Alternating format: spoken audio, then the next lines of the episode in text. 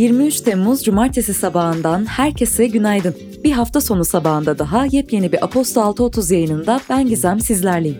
Neredeyse her bayram sonrasında olduğu gibi epey koşuşturmacalı ve yorucu bir haftayı geride bıraktık. Hem kişisel gündemimiz hem de ülke ve dünya gündemi bir hayli yoğundu. Sizlerin her şeye rağmen hafta sonunuza keyifli başladığınızı umuyorum ve günün öne çıkan gelişmelerini aktarıyorum.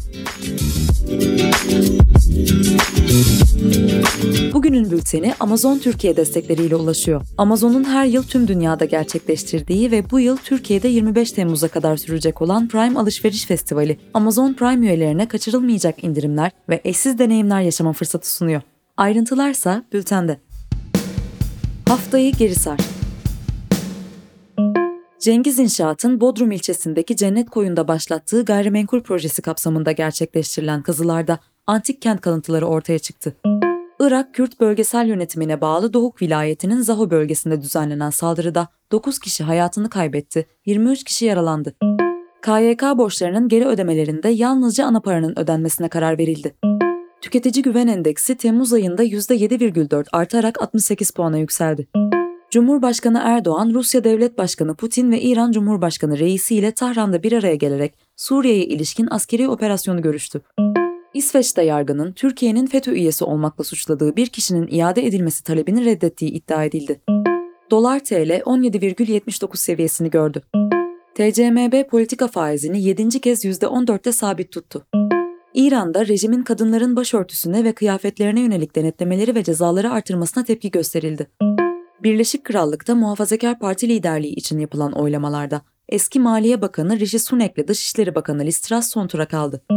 Avrupa Komisyonu Başkanı Ursula von der Leyen, AB'nin Kuzey Makedonya ve Arnavutluk'la katılım müzakerelerini başlattığını duyurdu. Günün Hikayesi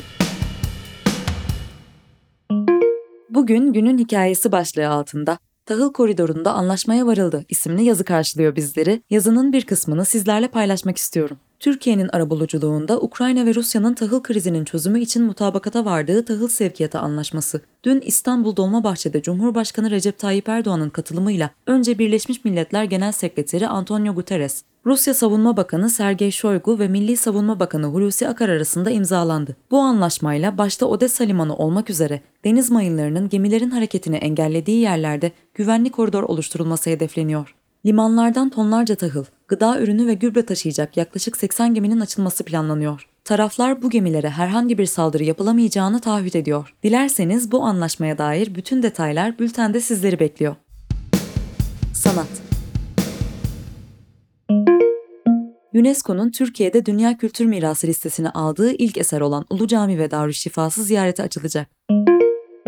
Müzayede Evi Sotheby's tarafından düzenlenen açık artırmada William Shakespeare'in oyunlarının ilk defa toplu olarak basıldığı ve dünyada 6 adet bulunduğu iddia edilen ilk folyo adlı kitap 2 milyon 470 bin dolara satıldı.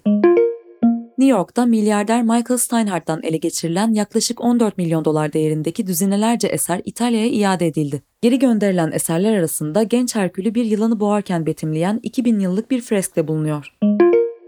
ABD Başsavcı Yardımcısı Lisa Monaco, bir Rus oligarka ait yatta yapılan aramalarda bir adet Faberge yumurtası bulunduğunu açıkladı. Monaco yumurta üzerinde inceleme başlatıldığını, gerçek olması halinde dünyada kalan birkaç yumurtadan biri olduğu anlamına geldiğini ve milyonlarca dolar değerinde olacağını söyledi.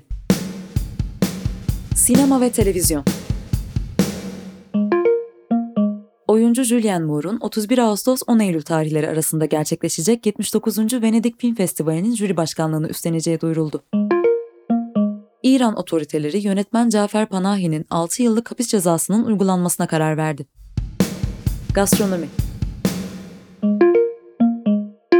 Toprak Mahsulleri Ofisi'ne ürünlerini satan çiftçilere buğdayda kilogram başına 1 lira, arpada ise 50 kuruş destek primi ödenecek.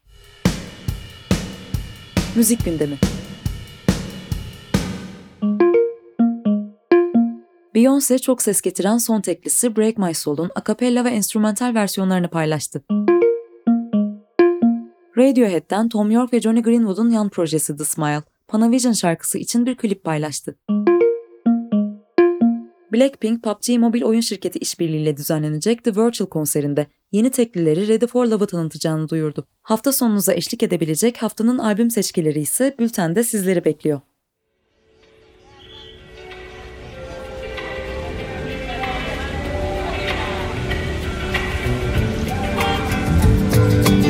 23 Temmuz Cumartesi gününde Aposto 6.30 yayınında ben Gizem sizlerleydim ve bugünlük de benim için veda vakti. Hepinize mutlu hafta sonları diliyorum.